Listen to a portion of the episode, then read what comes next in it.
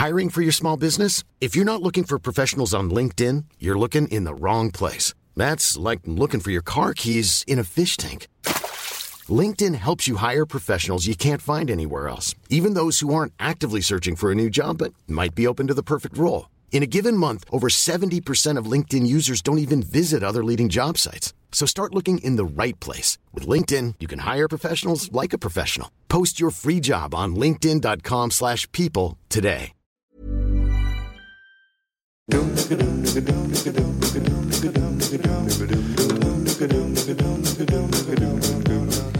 Ja, ja, het mag bijna geen nieuws meer heten, maar het is weer zondagavond. Dus zit ik, Titus, met ons vaste panel Tim, Snijboon en Gijs in de studio om het afgelopen voetbalweekend te bespreken. Na een midweeks uitstapje in de Champions League zijn we weer terug op vertrouwde bodem. En is het weer tijd voor de derde helft. Klimmetje warm hier aan. Hey, hey, Klim, hey! Ja, het is warm hier aan. Het is snikheet. Snikheet. Snikheet. Rustig. Ja, ik... Einde van 20 jaar studiosport. Snikheet.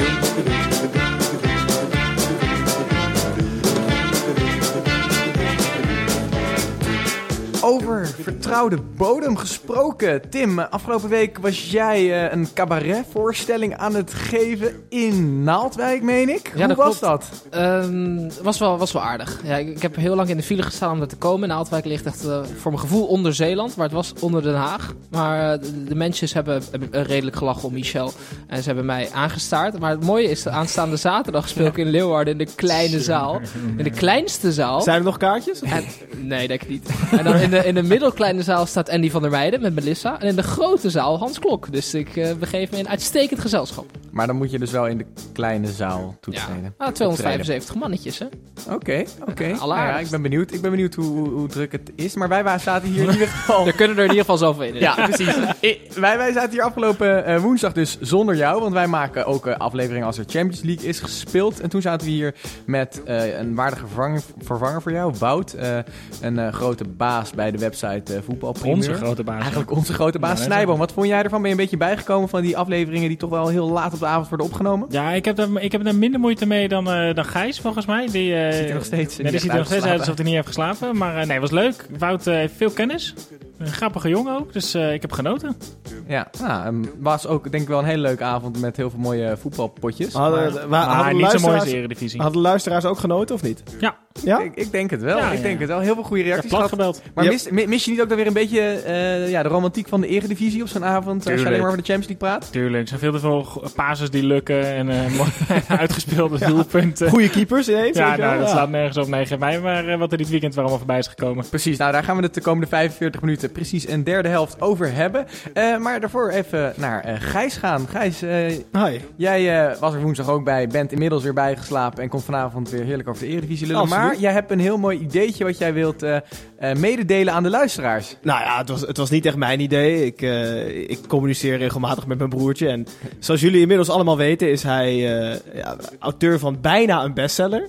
In ieder geval, dat, dat gaan we nog proberen uit het vuur te slepen. Want hij heeft nog wat boekjes thuis liggen. Maar wacht En- even, dus Tim, jij bent een dusdanige duizendpoot dat jij voetbalanalist bent, cabaretier en schrijver. Ja, of allemaal niet bent, kan natuurlijk ook, hè? Oké, dus Tim heeft een boek geschreven. En dan kan nog heel veel korte, hele korte samenvatting van het boek. Heel Waar gaat het over? Eh, Over elf spelers die één keer het Nederlands zelf hebben gespeeld. Hoe heet het? Voor jou doen kort. Het waren 18 onvergetelijke minuten. Oké, en je hebt nog een hele stapel thuis liggen en daar wil Gijs wat over zeggen. Een paar dozen. Nou, eh, ja, wat ons leuk is vooral om Tim een beetje uit het slot te trekken. Ook, eh, nou ja, wat moet hij anders met die boeken? Het is nog niet koud genoeg om de open haard aan te zetten. Dus ja, laten we eens wat, wat creatiefs bedenken. Eh, we, we krijgen steeds meer tractie op eh, sociale media. Dus ik dacht, nou ja, eh, laten we eens wat, wat verloten of weggeven onder onze trouwe luisteraars. Ja, wat leuk. En hoe kunnen ze dat verdienen? Nou, leuk dat je het vraagt. Eh goe- goeie ben ik. 1-2. Het, eigenlijk het enige wat je hoeft te doen, nou, het is, als je het niet doet, ben je eigenlijk die van je eigen portemonnee, eh, is eh, ons Spotify-linkje delen op je Instagram-story. En at de derde helft podcast erin taggen. Dan krijgen wij ze namelijk allemaal binnen. En wat wij dan zullen doen, is zorgvuldig kijken naar wie er vaak luistert en wie er vaak reageert. Maar voornamelijk ook wie dat ding gedeeld heeft. En dan kunnen wij dus een boekje opsturen. eh, en misschien zelfs een t-shirt erbij, of wat andere merchandise. T-shirtje erbij en misschien wel een handtekening van Snijboon erin. Misschien la- laten we er gewoon een mooi pakketje van maken en die versturen naar de mensen die eh, uitgekozen worden op basis van onze ja, Ja, ik, eh, want ik denk eh, het is goed om dat in ieder geval via Instagram te doen. Daar hebben we altijd veel interactie. Eh, je kan namelijk, eh, als je op, op Spotify zit, kan je een, een, een aflevering sharen. En dan komt hij automatisch op je story terecht. En dan Jij wil meteen weer meer, hè? Waarschijnlijk Nee, maar ik denk dat het ook leuk is omdat, dat je ook op Facebook onze wekelijkse post kan reposten. Met een eh, mooie eh, ja, slagzin. En dat je dan eh Ja, ook wordt niemand zit toch, meegenomen in de niemand zit toch loting. meer op Facebook. Nee, joh. hele Ah. Je mag het proberen, maar ja, eh, oké. Je maakt meer kans op Instagram. Precies. Nou, Maar goed, ik ben Voor de benieuwd. mensen op Facebook, die kunnen een lunch winnen met Titus op dinsdag. o- ook prima, maar Snijboon doet hier heel stoer. Je hebt geen eens Instagram, je hebt alleen Facebook. ik wist niet dat je zo boos zou worden. Maar Zullen goed, we over mensen... voetbal praten of uh, waar gaat Nee, het? nee, nee, nee. Nee, maar alleen over je boek. Je bent Ja, het is wel, eigenlijk ik- in, toch leuk dat je Ja. Dankjewel, Tim. Gijs. Dit is allemaal... eh, Dan laten we doorgaan. allemaal ten goede. Ja, nee. eh, er zijn namelijk weer ontzettend veel eh, eh, mooie potjes eh, gespeeld. Eh, daar gaan we zo naartoe. Maar er hoeft in ieder geval vandaag geen VAR aan te pas te komen deze keer. Want het is buitenspel. Eh, de grens die vlagt zeer overtuigend. En met buitenspel kijken we heel letterlijk wat er buiten het spel gebeurd is de afgelopen week. Aan de hand van een aantal statements laten wij eh, de jongens hier aan tafel nou ja, praten over deze randzaken. En beslissen ze mee namens de Eerste en Tweede Kamer of dit terecht dan wel onterecht is. Eh, om te beginnen bij het eerste nieuwtje. eh Gustafsson en Van Persie die werden afgelopen week allebei vrijgesproken na hun rode kaart van vorig weekend. Is dit terecht of onterecht, Tim? Nou, eh, die Gustafsson weet ik niet, maar ik vind Van Persie vind ik onterecht. Ik, ik vond dat het een, eh, een rode kaart was. En ik las ook dat, dat Robin in, de, in deze zaak heeft aangedragen als argument dat hij vrijgepleit moet worden. Dat hij sinds hij terug is in Nederland, dat hij de media allemaal met respect en alle egaars en zijn collega's allemaal zo goed behandeld heeft. Serieus? Dat slaat, ja, dat, slaat dus- dat op. slaat de plank volledig mis. En die Joris van Bentum, dat is de huisadvocaat van Feyenoord, die, moet natuurlijk goed. een standbeeldje krijgen. Hè? Want Nou, die, dat is ongelooflijk. die heeft hè? die club meer punten Ja. bezorgd dan Van Persie zelf, volgens mij. Want wat heeft hij nu allemaal op, eh, op zijn erelijst staan? Eh, ja, dat eh, had ik moeten voorbereiden. Alles. Volgens mij heeft hij Michiel Kramer een paar keer Ja, vrijgesproken. klopt. Die kreeg volgens mij eh, zeven wedstrijden en toen werd dat teruggedraaid. Ja, dat is echt maar niet een, voor dat broodje kroket. Nee, Nee, nee. Daarvoor moest hij gewoon thuis blijven. Nee, volgens mij was het argument van de KNVB nu uiteindelijk dat Van Persie de gezondheid van de speler van Vitesse niet op het spel eh, zette. Nou ja, ik heb die tackle daarna nog een paar keer teruggekeken. Ik, het blijft voor mij gewoon een tackle van achteren en dan Ja, gewoon een Maar terechte rode kaart. dan had jij nooit meer mogen spelen.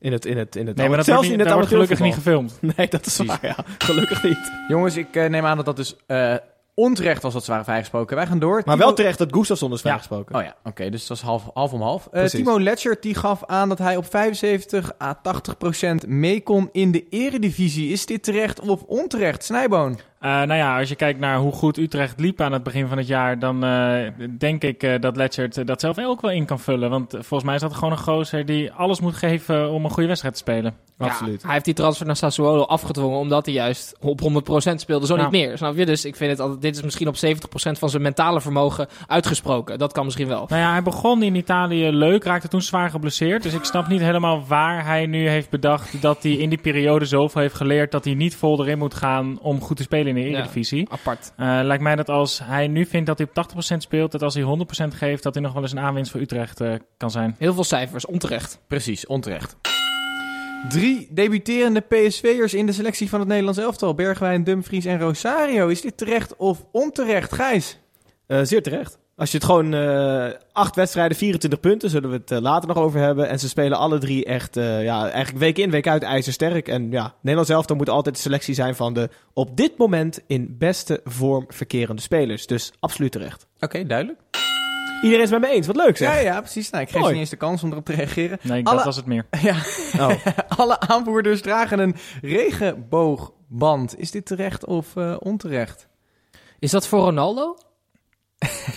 Leg even uit. Nee, jullie, jullie hebben het eh, gehad. Ja, ik was er niet bij bij Wout. Maar Ronaldo die heeft nu een tuchtzaak aan de broek hangen. Want hij heeft, met, eh, heeft een vrouw in.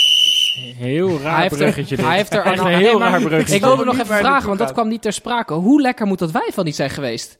Dus een wijf die zeg maar niet door Ronaldo gekocht te worden. Weet je, hoe fucking lekker is dat wijf? En hij heeft, hij heeft er dus ook nog eh, van, ja, zeg maar, eh, in, in Dat, dat is dus... Ja, eh, maar kunnen, ja, kom Ja, aan. jongens, maar nee, zijn hier... Maar ja, ja, er zijn natuurlijk altijd geruchten over Ronaldo. Maar die regenboogband was toch voor Ronaldo dan, of niet? Nee, die Nee, regenboog... volgens mij was Nee, om de hetero-cultuur in de voetbalwereld een beetje aan de kaak te stellen. En wat meer Maar dat doet Ronaldo eh, dus ook. Ja, Nee. Tim, hou nou even op.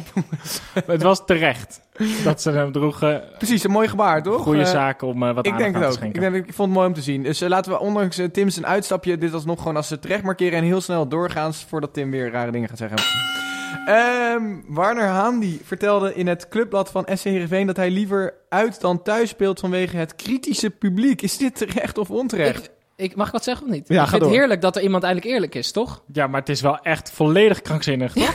Ja, dat wel. Maar ik vind het nou wel heel leuk dat zo'n jongen dat het gewoon eerlijk zegt in het clubblad. Welke gek publiceert dat dan, dat club- clubblad? Dat is nog veel erger. Het moet de vader van Haan zijn geweest dan.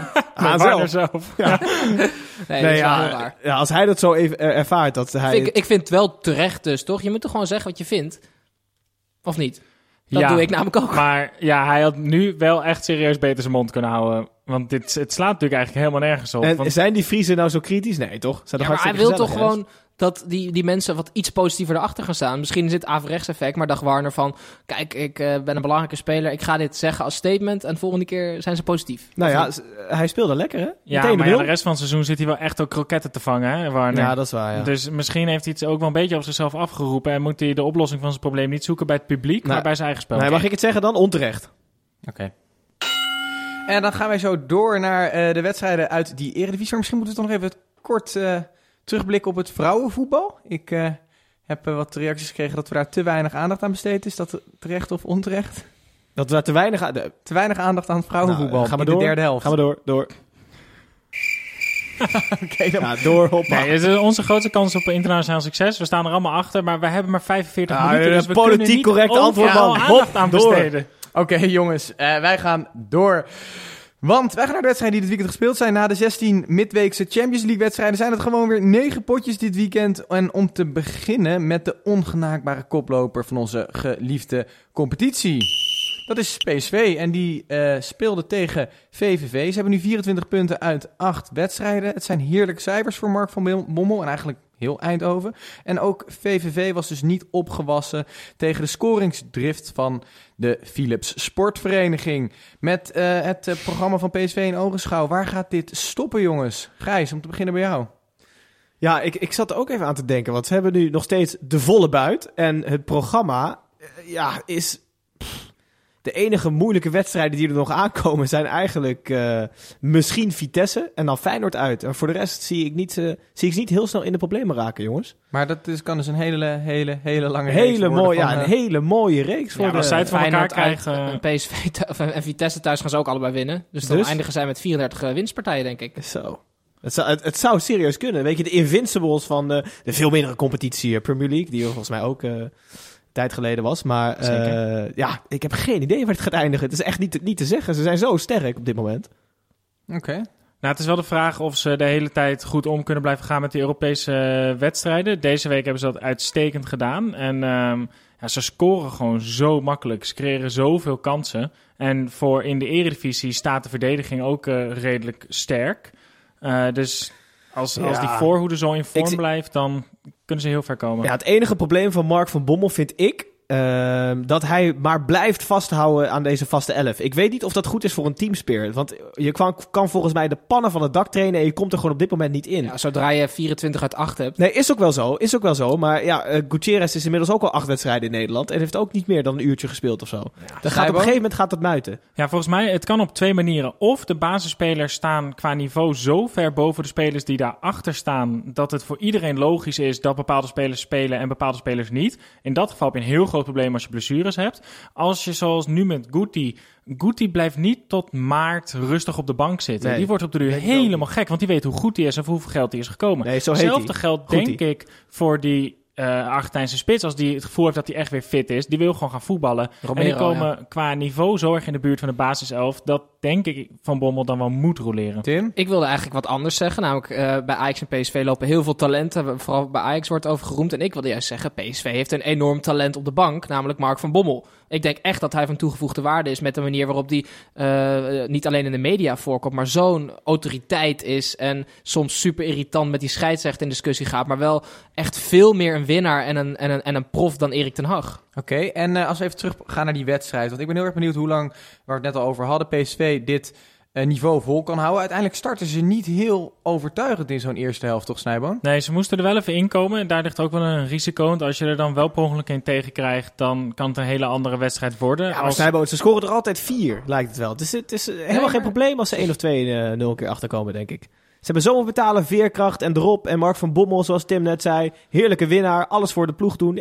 Ja, het kan best een keer dat je een, een mindere start hebt, maar zoveel meer individuele kwaliteit. Dat komt uiteindelijk op Ah, boven. wat vooral denk ik inderdaad voor ze spreekt, is dat ze een voorhoede hebben die ook verdedigingen uit elkaar kan spelen die heel dicht op elkaar staan. Waardoor ze dus heel goed om kunnen gaan met al die verdedigende ploegen Ja, in de Eredivisie. vleugelspelers. Maar Luc, die is vrij statisch, toch? Luc is vrij statisch, maar als je ziet wat Bergwijn af en toe in het centrum doet, weet je, die, die dribbelt het eerste mannetje sowieso voorbij. Daar is gewoon geen twijfel over mogelijk. Ja. En vanaf dat moment heeft hij een man meer situatie en kijkt hij wat hij ermee doet. En hij doet dat vanaf elke plek op het veld. Als hij nou vanaf rechts of links komt, maar ook als hij centraal de bal ontvangt, dat eerste mannetje is altijd voor hem. En dan kan hij gaan combineren. Ja, het is wel, eh, in wat jij zegt, als VV voorkomt, dan wordt het een andere wedstrijd. Maar Ralf Seuntjes, die kon natuurlijk één op één met eh, Jeroen Zoet, maar die had toevallig nog de doos om zijn schoenen.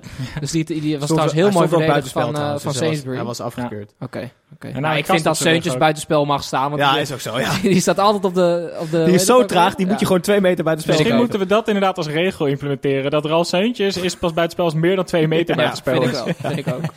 Heerlijk. En eh, dan laat PSV weer eh Donjel Malen invallen, maar wel maar een eh, schamele tientallen secondes. Ja, dat viel mij ook wel op. hè. Waarom doe je dat nog? Ja, die Vijf- zal wel bij Napoli spelen binnenkort malen. En dat is Younes. Ja, precies. Maar Nou, ja, waarom, de, Snijboon, waarom 25 Hij is seconden? de Het stond 4-0. Misschien Ja, zijn, eh, ik las trouwens vandaag een statistiek dat hij de speler is die het meest is ingevallen deze eredivisie. Misschien wil hij daar bovenaan blijven hangen. Zat Ja, de dat- farm ook niet gewoon een beetje in de weg? Volgens mij stond hij al een tijdje klaar, maar ehm, was het door die eh, penalty op het eind? ja, maar Volgens dan mij- kan je toch ook zeggen, jongen, ga zitten, het is 20 seconden. Ja, dat had ook gekund, maar ik denk dat, dat het ook een... eh, ja, ik- ja, nee, het enige wat gekund zou kunnen, hebben is dat hij de, of de paai, Bergwijn een eh, publiekswissel gaf. Ja. Maar ja, om dat 30 seconden voor tijd te doen, ik vond het een beetje raar. En ook een beetje zielig, ja. Nou ja, je krijgt wel je wedstrijdbonus weer. Ja, oké, dus zo hebben we er niet over nagedacht. Dus Ja, Donjel heeft nu nieuwe schoenen waarschijnlijk. Ja. En zijn er nog andere op, op- opvallende dingen eh, gebeurd in deze wedstrijd Ja, jullie bij stil willen We, staan? we zien wel wie de volgende keeper wordt van PSV. Want die hebben ze namelijk al. Lars Oenerstaal van VVV. Die was gewoon twee klassen beter dan Ja. Zoet in die wedstrijd. Ja, Die krijgt wel vier om de oren, maar die onderscheidt zich week in, week uit. Eh, Zoet is goed begonnen, maar zakt nu een beetje weg. In de Champions League ook niet, eh, niet helemaal zeker. En ik denk dat Lars Oenerstaal is ook zo'n reus. Een hoe, oud is hij, weet je dat? Ja, heel jong. Echt waar? 3,24 denk ik. Maar Oenerstala is gewoon ook echt zo'n keeper dat eh, voor een club als PSV, die krijgt gewoon twee, drie kansen tegen in een wedstrijd. En dan, als je die kansen Sorry, tegen krijgt, dan, 28. dan Oh. staat daar die reus van Slechte een keeper zeg. Slechte keeper. En nog hoop te leren. Nee, maar dit, ik denk dat wel dat het fijn is om echt zo'n zo'n soort presence in die goal te hebben. Dat als je die kant tegenkrijgt, dat hij echt gewoon zo'n beer van een kerel staat bij die indraaiende vrijtrap. 1,98 en 100 kilo. Ja, maar het is echt, het is echt een verschijning hoor. En eh Snijboon. Snijboon is 1,68 en 100 kilo. Ja, maar ja, ik ben, dan ook, ik ben dan ook geen keeper. Nee, maar wacht even, dan, eh, afsluitend. Ja, Lozano, ik wilde over, ja, ik goede wil, ja, ik wilde nog heel veel. eh, Lozano eh, begon wat kritiek ook te krijgen. Dat hij niet zo beslissend was. En die rol die werd wat op zich genomen door andere spelers. Lozano eh, was ehm, zaterdagavond weer als van ouds. Die dribbelde weer. eh Wel frank tegen en vrij. VVV Snijboom, kom op. We moeten ergens beginnen. Nee, maar dat was een leuke wedstrijd. kortom, PSV doet het nog steeds uitstekend. Eh, zelfs zo goed dat we het nauwelijks over PSV hebben gehad. Eh, maar we gaan het hier toch bij laten, want wij gaan door naar de volgende wedstrijd. En dat is Ajax tegen AZ. Ajax startte met een eh, iets wat verrassende basiself vanmiddag. Dit belette de Amsterdammers echter niet om het armieterige AZ over de knie te krijgen. Arbitierig. Ja. De mannen van John van der Brom die waren eh, wederom niet bij machten om van een traditionele top 3 club te winnen. Sterker nog, 5-0 was niet eens geflatteerd. Jongens, wat moet er bij AZ veranderen om wel een keer van een traditionele top 3 club te winnen?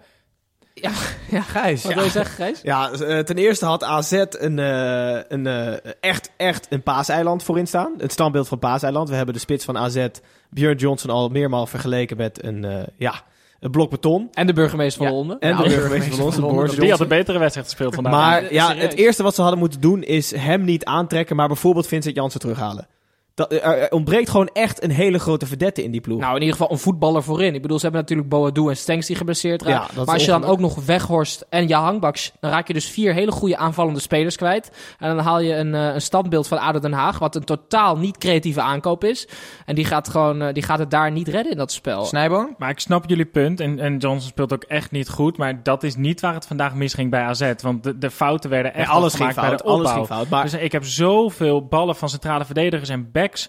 die één linie op wilden schuiven... Ja. die gewoon een buitenspeler van middenvelder van Ajax recht Ja, maar oké, maar ik trek het even iets breder dan alleen deze wedstrijd van vandaag. Want ze missen gewoon echt een grote verdette. Guus Til heeft nu de aanvoerdersband.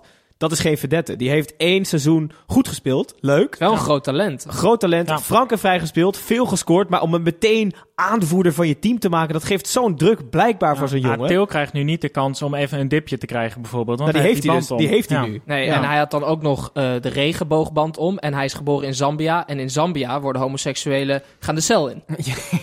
maar hij is geboren in Zambia, wist je dat? Titus, Titus? kun jij Nee, niet even een niet. bruggetje doen? Nee, ja, ik eh, wil in ieder geval eh, het ook wel even benadrukken dat AZ het moeilijk had omdat ze tegen een onwijs goed spelend Ajax moesten voetballen. Ja, tuurlijk. Maar Ajax, eh, kijk, die heeft nu echt vertrouwen. Hè? Dus die, die, die tik in Eindhoven, die hebben ze eventjes verwerkt. Dat was een kleine tactische blunder van Erik ten Hag. Zo. Eh, dat heeft hij in, in München meer dan hersteld.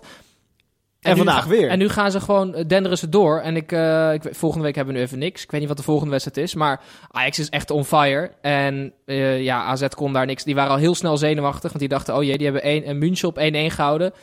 Dat eh, wordt een lastige middag. En ja, als je dan na drie minuten meteen eh, de 1-0 tegenkrijgt... dan kan eh, John van der Broms nachtmerrie komt weer uit. Voor de negentiende keer op rij, volgens mij. Snijboon? Ja, ik was ook wel erg onder de indruk van de energie die Ajax in die wedstrijd legde. Als je bedenkt dat ze dinsdagavond tegen Bayern zijn ze echt diep gegaan. En in die, en in die club s'avonds hebben ze ook en nog ze veel hebben nog gevierd ook. Dus Klaas-Jan Huntelaar heeft tot vijf uur 's ochtends op zijn beentjes gestaan. dat, is ook, dat is, ook niet, is hij ook niet meer gewend. Maar- Daarom zat hij op de bank waarschijnlijk. Hij kon gewoon niet meer Daarom. lopen. Maar als je kijkt hoe ze aan die wedstrijd begonnen, zowel ehm, aan het begin van de eerste helft als na rust, met hoeveel energie ze erin vlogen, allebei die helften, dat is toch wel erg knap. Maar Ajax en PSV staan echt een straatlengte voor op de rest. Hè? Ik bedoel, de, de- normaal gesproken is altijd na een, cha- een zware Champions League wedstrijd... is er vaak sprake van punten laten liggen. 4-0, 5-0, klaar. Ja, en is het dan goed dat eh, zo van de Beker nu gewoon in staat? Ja, ik vond, ik vond de, de keuze van Ten Hag voor wederom Weber achterin tegen een grote kopsterke spits en, en Van de Beek op 10 eh, netjes. Eh Daley Blind speelde zijn beste wedstrijd eh, in de eredivisie, namelijk op de, zijn geliefde zespositie. Ik vind hem daar... ehm, Daar moet hij gewoon staan, ja, toch? precies. Komt hij het best tot zijn recht. En dan kan je, vind ik, Frenkie de Jong nog een linie naar achter halen tegen de kleinere clubs. Ja, ik, ik, zie iemand met zijn hand omhoog zitten, dus ik hou van nou ja, ik, ben, ik, ik zat er namelijk tijdens die wedstrijd over na te denken. Het is een behoorlijk luxe probleem waar Ten Hag mee zit. Want hij brengt Neres en Huntelaar in. Hij had Frenkie de Jong nog op de bank, terwijl ze twee giganten van wedstrijden spelen met de ploeg die er nu is. Ja. Ik, nou, je had het net over roleren of aan een vaste basis al vasthouden. Hij maar Ten. Hag moet ook bijna wel Ja, roleren. ik, wel- ik weet- moet even afwachten wat, wat er met Ziyech aan de hand is. Maar die, dat schoot in de allerlaatste actie. Wat een ongelooflijk goede actie weer. De jongen is echt op de, op de top van de top. En hij eh, verrekt zijn hamstring of zo. Hij greep naar zijn hamstring. Dus we moeten even afwachten. Voor hetzelfde gaat dus die een paar weken uitschakelen. Dan heeft hij een probleem minder. Ja, maar hoe erg zou dat dan zijn voor dit voor dit Ja, natuurlijk. eh, Ajax? Gijs zei, Nee, Ziyech maakt Ajax 20% Ja, dat is beter. Daar ben ik het niet waar. helemaal mee eens. Want er, er- dan staan er ook weer andere jongens op. Bijvoorbeeld Wie dan? Tadic. Ja, ik denk dat Tadic dan nog meer de, de gemaakte aanvoerder Maar zou. Ajax dan misschien ook wel wat spelers eh, in de uitverkoop kunnen zetten tijdens de winterstop? Om dan... Dat zou ik dus niet doen, want je hebt nou eindelijk, ja, zoals Ten Hag zegt, 16 verschillende basisspelers. Je moet gewoon echt een brede selectie hebben. En dan moeten ze maar niet muiten. Als je een keer echt iets wil bereiken, dan moet je ook gewoon met... Dan, dan zit er af en toe iemand op de bank die daar misschien niet hoort. Ah, je weet ook gewoon nu bij Ajax, dat op, zeker op het middenveld, als je niet alles geeft en elke training vol ervoor gaat en, en, en het meeste uit jezelf haalt, dan zit je gewoon op de bank. Want er staan er twee achter jou die gewoon ongeveer net zo goed zijn en ook heel graag willen voetballen. Dus die concurrentiestrijd haalt denk ik op dit moment wel het beste naar boven in die eh, Ajax-spelers. En eh, zeggen we dat eh, eh, nu een aantal weken na het verlies bij PSV... dat Ajax gewoon, ook wat ze hebben laten zien in de Champions League... maar een hele waardige tegenstander voor PSV is... om die eerste plek te veroveren aan het eind van het seizoen? Nee, absoluut. En ik vind dat meneer Ten Hag heeft heel veel kritiek gekregen, maar hij heeft het de afgelopen twee wedstrijden gewoon echt uitstekend neergezet. Het lijkt alsof hij heel snel leert van zijn foutje in Eindhoven. Snijboom? Fout. Het enige verschil tot nu toe is dat Ajax ehm, twee keer door de ondergrens is gezakt en PSV nog niet. En als dat zo blijft, dan loopt PSV vrij makkelijk uit. Maar het kan ook zomaar zijn dat PSV over twee weken door de ondergrens zakt en dat Ajax nu in een flow zit. Maar Ajax is tot nu toe de enige die ook echt door de ondergrens is gezakt. Oké, nou interessant. Wij gaan door naar een ander team... wat eh, denk ik dit weekend wel door die ondergrens is eh, gezakt. En dat is eh, Feyenoord. Die eh, moesten uit tegen Willem II. En eh, dat was eigenlijk gewoon een ordinaire zaadpot die wat meer smaak kreeg in de slotfase. Toen er alsnog aan beide kanten eh, wat goals eh, vielen. Waardoor die wedstrijd eindigt in 1-1. En dit is wat Pottegien daarover zei. We hebben echt, eh, vandaag niet echt goed gespeeld. Eh, ook eh, dat je 1-0 voor stond, eh, ja, was eh, niet goed van ons. Eh, maar ja, maar sta je 0 1-0 en eh, dan moet je alles aan doen om eh, geen goals te krijgen. Maar dat gebeurt toch. Ja, want eh, wat hij hier zegt is... We hebben eh, gewoon niet goed Vertaal het gespeeld als even. Feyenoord. En ehm, ja, ze, ze hadden ook eigenlijk helemaal niet meer verdiend dan dat ene punt, toch, Snijboom? Als Botteguin zich met de tactiek be- bemoeit op de manier hoe hij interviews geeft, dan snap ik wel dat het daar kan er niks aan doen. Als Nou, Braziliaan nou, nou, Nederlands nou, Wees nou. blij dat hij Nederlands spreekt. Ja, precies. ook dat hij... eh, Nou, ik vond het tactisch niet echt een eh, sterke analyse. Maar jongens, had Feyenoord meer verdiend dan dit? Of was het eigenlijk gewoon een prima resultaat voor hoe ze speelden? Want dit was toch gewoon schandalig hoe weinig er gecreëerd wordt? Volgens mij was dit gewoon een terecht gelijk spelletje, heel eerlijk eh, gezegd. Het, het, het was, eh, het was bij Feyenoord weer, nou ja, ik heb gekeken, ik zat alleen maar... Je gaat wat rechterop zitten als Berghuis aan de bal is. Eh, maar alle andere tien op het veld zak je eigenlijk steeds verder weg in je stoel. Omdat je gewoon aan het spel al ziet dat er niet heel veel gecreëerd wordt. Ja, je mist, je mist echt die balletjes die je bij PSV en Ajax wel ziet van... Oké, die zie je niet aankomen. Weet je wel, bij Feyenoord kan iedereen bellen waar ze naartoe spelen. Je ziet een minuut van tevoren waar die bal heen gaat. Ze missen gewoon echt een speler die even een balletje tussendoor legt. En, of net achter een Ja, verdediger vroeger waar je net niet aan dat ziet nog wel een komen. beetje, toch? Ja. Ja, Met, een met nou ja. een, een, een maar ze vlijmscherpe paas. Ja, ze spelen eigenlijk nu met een blok van twee verdedigende middenvelders. Het zijn zowel Klaasie als Vilena. Die staan met z'n tweeën dan op zes. Er zijn twee balafpakkers. En dan die vier aanvallers daarvoor, want eh, die daar eigenlijk een beetje aan het wachten zijn... tot er wat gecreëerd wordt door een aantal spelers die dat niet kunnen. Want dan heb je Larsson, Van Persie, Jurgensen en Berghuis nu voorin lopen. Ja. die kunnen daar zo lang wachten als ze willen. Maar als uiteindelijk volgens mij alles over de, de, de links- en rechtsback moet lopen... eh, voordat die bal voorin komt... Nou, Feyenoord heeft dus in theorie genoeg creativiteit, maar het is niet goed verdeeld over het veld. Het staat allemaal voorin. En eh, dat, is, dat is gewoon een probleem van Van Bronckhorst en Ja. ook van Van Geel. Want daar moet echt wat aan gebeuren in de winterstop, denk ik. Ja, ik denk dat dit Feyenoord ook vrij makkelijk te bestrijden is. Want je weet namelijk dat Berghuis de man is waar iedereen naar kijkt. Je weet dat hij, als hij de combinatie aangaat, dat hij dat met Van Persie gaat doen. Dus alles wat je moet doen is Van Persie heel strak zetten... en Berghuis een beetje weg bij die goal houden... en weg van zijn linkervoet houden. En dan kan je dit Feyenoord gewoon best wel goed bestrijden. En dat zag je ook aan Willem II vandaag. En, en het, eh, we hadden het er net al over dat, dat er twee ploegen nu wel heel erg bovenuit beginnen te steken. Daar hebben we het eigenlijk de afgelopen week al veel over gehad. Maar Ja. nu door dit puntenverlies zie je dat gat ook eh, eh, daadwerkelijk gevormd worden op de ranglijst. Ja, het, is niet, Eh, het is niet alleen, ja, precies, het is niet alleen dit puntverlies. Hè. Ik bedoel, eh, Feyenoord die, die is al een paar keer heel goed weggekomen. Ook vorige week bijvoorbeeld tegen FC Utrecht. Het is gewoon overduidelijk dat Ajax en PSV mijlen ver weg zijn van de rest. Oké, en ja, sorry Snijbo. Ja, ik, nou, ik weet niet of jij nu precies hier naar over wilde stappen, maar het wisselbeleid van Giovanni van Bronckhorst is Ja. echt. Ja, dus dat nou kan ja, Jij hebt ook gekeken, Titus. Ja. Het, het- het- hij brengt eerst Toornstra voor Van Persie en vervolgens brengt hij Van Beek. Eh, als vijfde, als vijfde verdediger erbij, hè? Ja, ja, en... Het is toch ja, eigenlijk echt een zwaktebod en een schande dat je met vijf enorm verdedigers tegen Willem dat II met 1-0 speelt, jongens. Op, eh, ja, 0-1 voor. Zoals een wijze les die ik altijd van mijn eh, vader geleerd kreeg tijdens het voetbal kijken. Dat was als je als eh, coach, op, als je voorstaat, gaat wisselen... ehm, en dan die aanvallers eruit had voor een verdediger, dan krijg je hem altijd tegen. En Ja. het gebeurt volgens mij zo vaak. Want Snijboon, nou jij, jij vulde me zojuist ook al mooi aan. Dan gaat iedereen achteruit lopen en dan krijg je hem gewoon voor je kiezen. Ja, ja Maar ik je- had denk ik altijd gekozen voor een snelle buitenspeler erbij, zodat je in de counter, dan kan je altijd het blok sterk neerzetten, maar dan kan je gewoon gaan counteren met snelle spelers. Maar luister, Van Persie en, en, en Larsson gaan eruit. Dus behoorlijk creatieve spelers, Ja. dan kan je wel zeggen. Voor Toornstra en Van Beek, ja. ja. ja, die krijgt er meer creativiteit voor terug. Ja, maar Van Beek, en dan ga je dus met z'n vijf achterin spelen. Ehm, ja. En natuurlijk moeten we wel nageven, die fout van Malasia was uiteindelijk waardoor het goal viel. Dat was een beetje een knullig, eh, knullig Ja, moment. ja de, eh, ongelukkig balverlies, een voorzet. En die, die, die komt volgens mij bij de eerste paal eh, tegen drie benen aan. En die, die vliegt door de benen van Van Wie stond daar te verdedigen dan, met drie benen? Lukaku? Ik wist dat jij hier... ja. Nee, maar we gaan het hierbij laten. Wat betreft Feyenoord, ze verspillen weer punten daar. En het loopt nog steeds niet zoals de Rotterdammers volgens mij zouden willen. En wij gaan door naar niet zomaar een wedstrijd. Naar de wedstrijd waar wij altijd om dobbelen. En dat De is... wedstrijd van de week. Niet de dagen van, niet het broodje van, maar de wedstrijd van de week. Zelfs niet de werknemer van, maar de wedstrijd van de week. Ja, en er werd Tim, zing eh, jij dit eigenlijk ook in? Want Ja, hebt toch ja, zo'n ja, ja. eh, duizendpoot? Hij is ook Ja, zanger, hè? Nee, ja, dat doe ik ook. Er, er werd hier afgelopen week eh, nog geklaagd dat we het weer over promovendi moesten hebben tijdens de wedstrijd van de Dat week. was Gijs, hè? Maar ja, dat was Gijs. Maar Gijs, wat een heerlijke wedstrijd van de week. Want dit duel der promovendi, dat eindigde na een zalige tweede helft in een spectaculaire 3-3. Emmen leek de buit eigenlijk binnen te hebben na de 3-1. Maar wat ging hier mis, Gijs?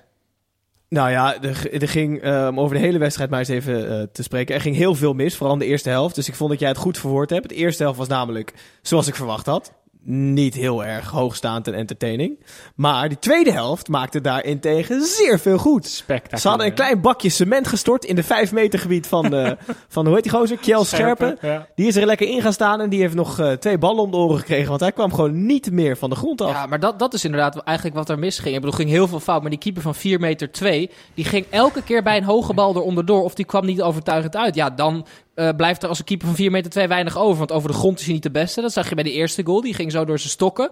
En eh nou, die totempaal die stond inderdaad heerlijk in het cement bij een aantal Ja, voorzetten. en, en oh, we hebben het al over muiten gehad. Hè. Vincent Telgekamp is de reservekeeper van Emmen. Die heeft al in de, in de lokale media laten doorschemeren dat hij toch wel vindt dat hij aan de beurt is. Oh en ja? dat zijn kans eh, daar is. Maar dus op ik, welke ik lokale, eh, lokale media ben jij op eh, geabonneerd? Dat jij de dit, Emmer eh, Courant of zo, Snijboon? Daar wil ik me liever niet over uitspreken. nee, maar eh, ze hebben een wisselkeeper die, eh, die staat te springen. Le- nou ja, en ze hebben een keeper die niet staat te springen. Ja, dus precies. misschien is het tijd voor die Tijd voor een wisselkeeper. wissel misschien. Ik, ik wil nog heel eventjes wat vertellen over Anko Jansen. Want we hebben het er al vaak over gehad. Echt een, ja, gewoon een heerlijke voetbal. En Anko is natuurlijk echt een liefhebber. Die houdt ook wel een beetje van een klein biertje volgens mij.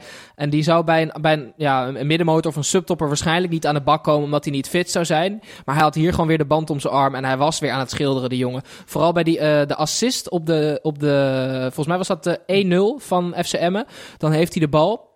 En die bal die rolt over de grond en hij maakt een aantal lichaamsschijnbewegingen, een aantal scharen. En hij speelt die bal in één keer door met zijn buitenkantvoet eh op Banning. En het is even goed om terug te kijken. Die bal verliest 0,0 snelheid. Dus hij maakt er allemaal bewegingen bij, die een beetje wat stijve en logge Anko Jansen. En hij tikte met exact dezelfde snelheid met, rechts, eh, met de buitenkant rechts naar Banning, die met een gelukje binnenwerkt. Maar ligt dat ook niet aan het kunstgras, denk je?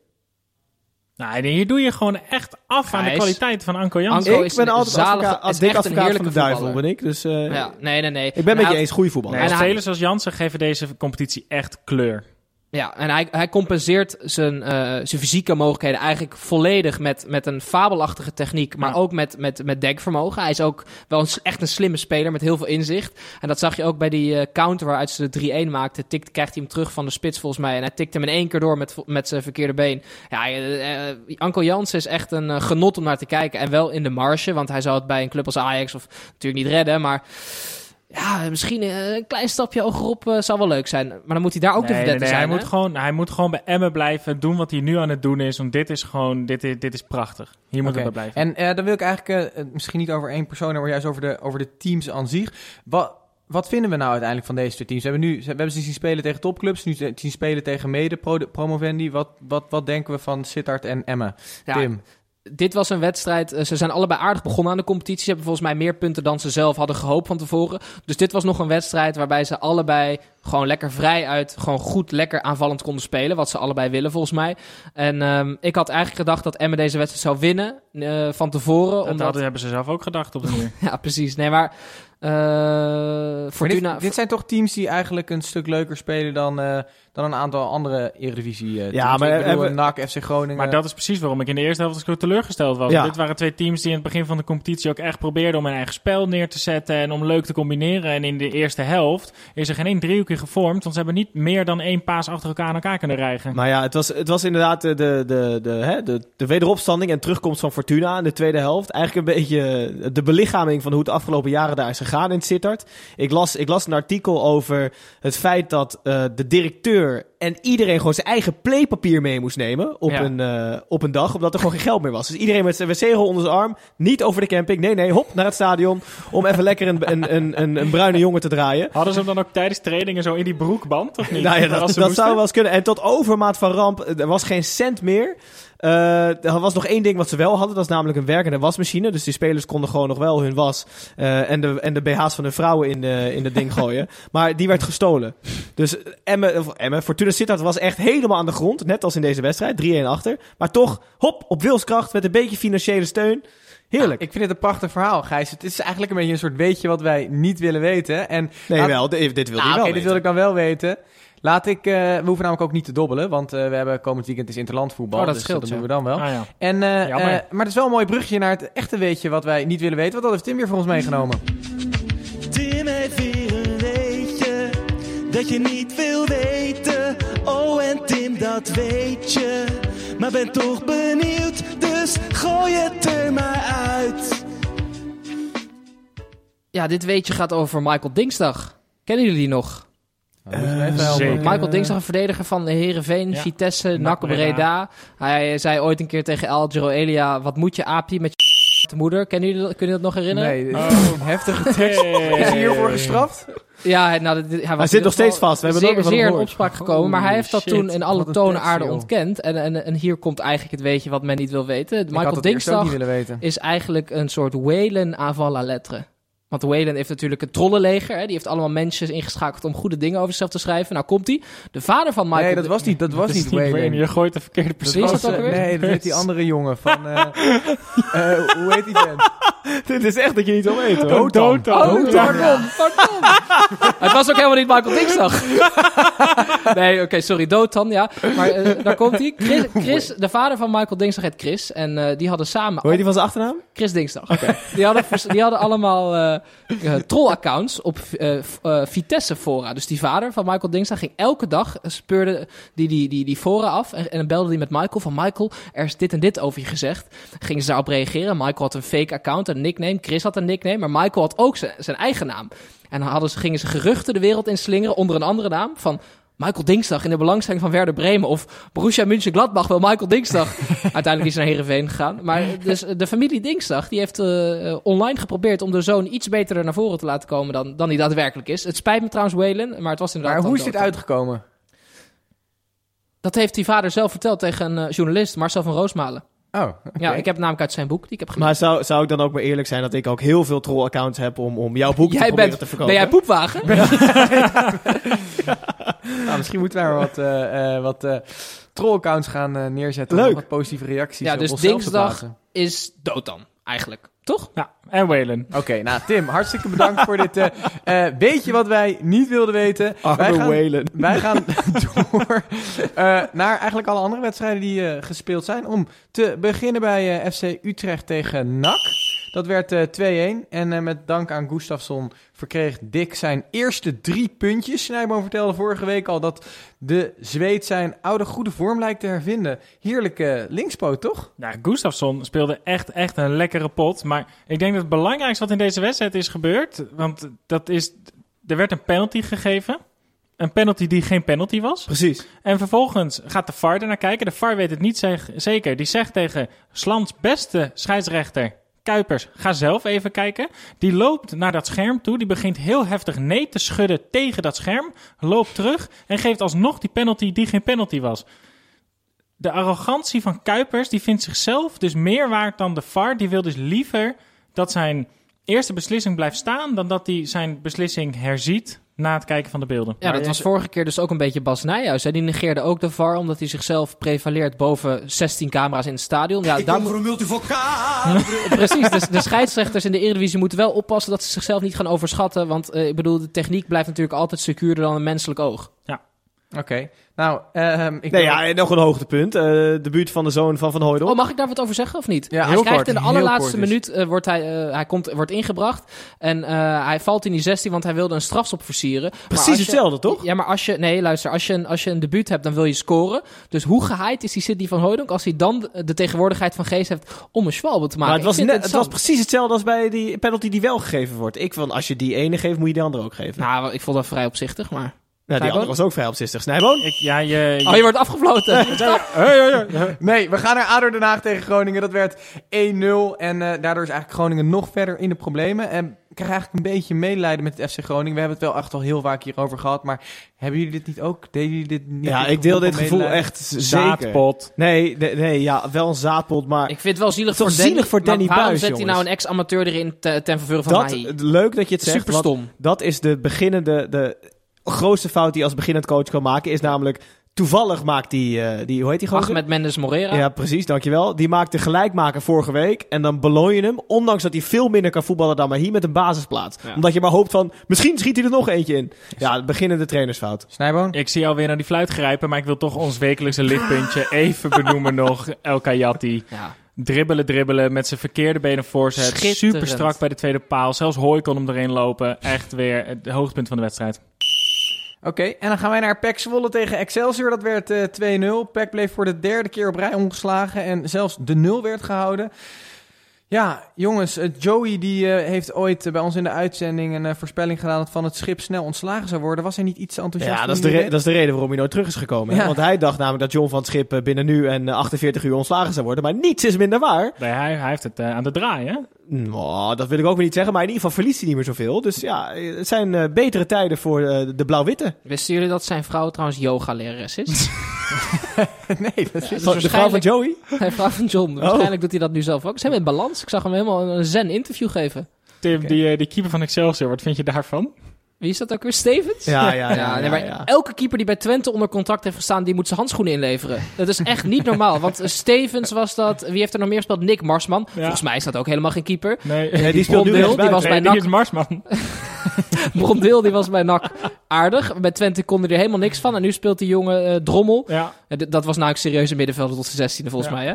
Die is nu maar ineens keeper. ehm, kijk, ehm, ik zou graag willen zeggen dat mijn, eh, mijn favoriete spits Mike van Duinen een wereldgoal maakte. Maar het was toch echt Sonny Stevens die die bal er zelf ingooide. Hij Ja. pakte hem, toen dacht hij, nou, ik maak er toch een goal van. Die gooit die bal zelfs een goal in. Dat is echt verschrikkelijk. Nee, want- eh, t- t- Hou eens op met die fluitbal. ik Wat? weet nog dat wij het vorige week hadden over Younes Namli. Ik vind het ook een heerlijke speler. Maar op, op jouw verzoek ben ik even de statistieken ingedoken. Want jij zei dat jij ze mee zou nemen. Niet oh meer ja, dat minder is waar. Nee, ik weer- ben deel druk geweest. Loze belofte. Ik heb even snel eh, opgedoken dat hij 73 wedstrijden in de eredivisie gespeeld heeft. Voor verschillende clubs. Eh Heerenveen en, en PEC. En nog één als ik me niet vergis. Maar goed, ik vond het rendement altijd laag. En het blijkt. Het is 6 assists en 5 goals. Vind ik toch weinig. Het was vijf wedstrijden en 76 goals. Oh, Ja, je hebt het verkeerd gezien. heb ik ze verkeerd wel op gelezen? Ja, ik heb ze wel. Ja, nu, nu je het zegt. Oh, oh, ik, sorry. ik ga hem toch afsluiten. Jongens. aardige speler dan, eh, Namli. Jongens, we gaan naar een andere hele leuke wedstrijd. Een, een ware schiettent. Eh, de graafschap tegen Herenveen. Dit werd 0-5. Wat, eh, wat vond jij hiervan, Snijboon?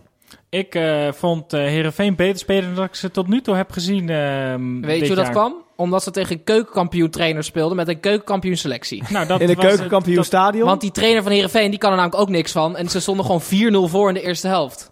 Zijn er nog, eh, zijn er nog wat leuke dingen opgevallen bij jou Tim deze schuimbek, Ja, sorry. Ja, nee. Ik vond Sam Larsson vind ik sowieso een hele aardige Ja. speler. Altijd Ja, al bij PSV. zeker. Ik heb veel En wat vind je van Sam Lammers? gezien. Ja, wat vind je van Sam Lammers, ja? Sam Larsson, is zijn bijnaam, toch? Ja, maar je Ja, zei ja, Sam. Larsson.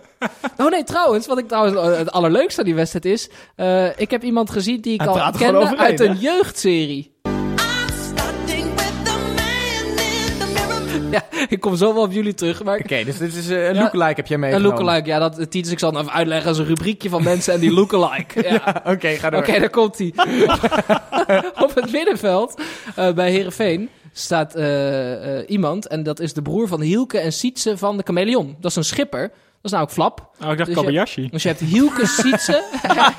Dus van de bekende kinderboekenserie De Chameleon. Precies. Waarin twee Friese jongetjes ja, eh, met een Hiel- bootje aan Hielke. Sietse en Flap van de Chameleon. En volgens mij is Flap een, misschien een buitenechtelijk kind, want die Friesen die doen toch altijd rare dingen. Hè?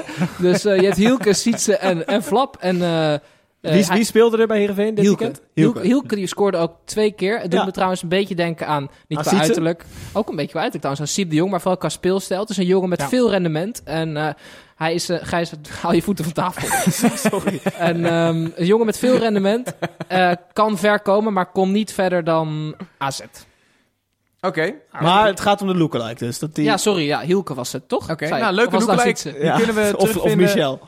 Terugvinden op onze eh, social media kanalen. Instagram, Twitter en Facebook morgen. Waarschijnlijk kan je hem heel veel terugzien. Omdat iedereen allemaal die berichten gaat Ja, delen je wordt, er, je wordt prijsvraag. doodgegooid waarschijnlijk. Precies. Nou, acht uur journaal morgen.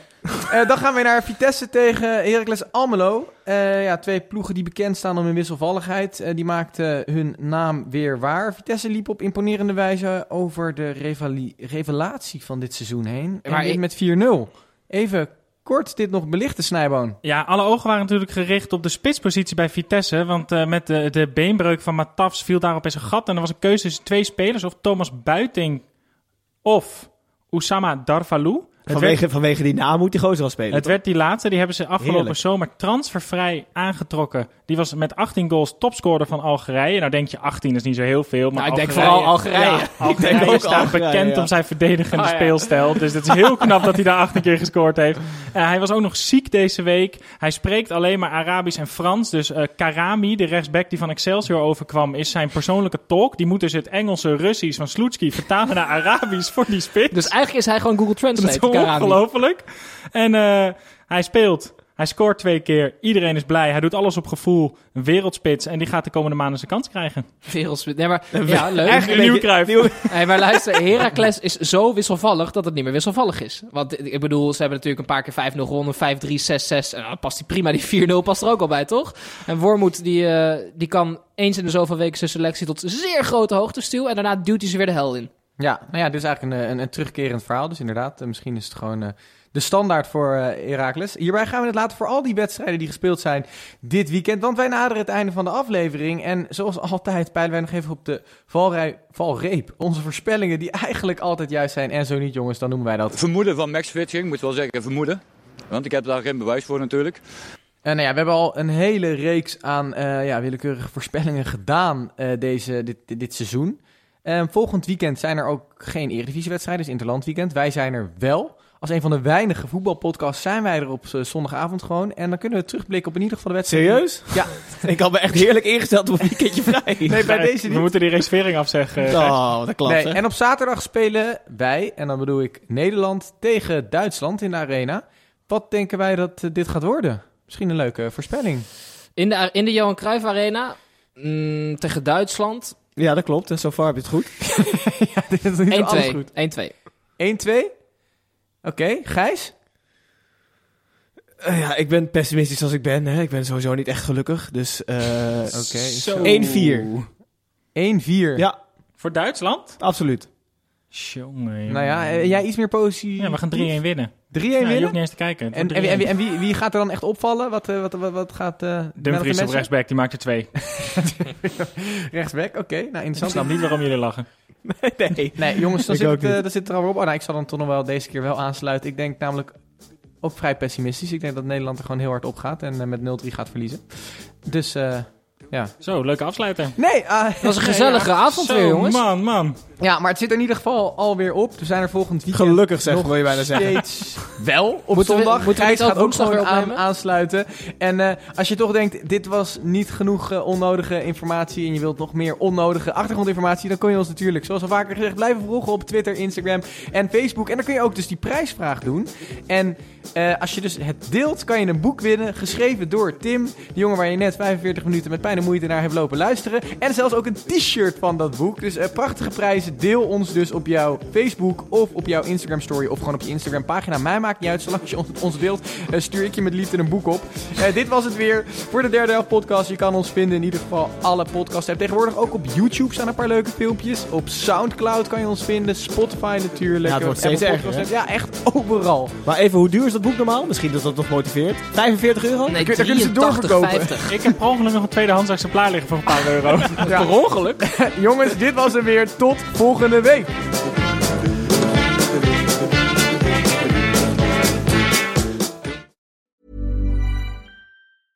Als je toch de tijd neemt om een podcast te luisteren, dan kan het maar beter je favoriete podcast zijn. En elke maandag in je favoriete podcast-app. Snapt iemand nu dat de podcast ook echt je favoriete podcast heet... en dat het gemaakt wordt door Stefan de Vries, Julia Heetman en Sean Demmers? Waarom praat je over jezelf in de derde persoon? Waarom, waarom, er staat hier Sean Demmers en Judah Heetman. Waar moet jij nou weer voor mij? Dat ging per ongeluk, Sean. Ja, dat ging per ongeluk. Ja, jezus. Steve, jij moet nog nee zeggen. Oh, nee.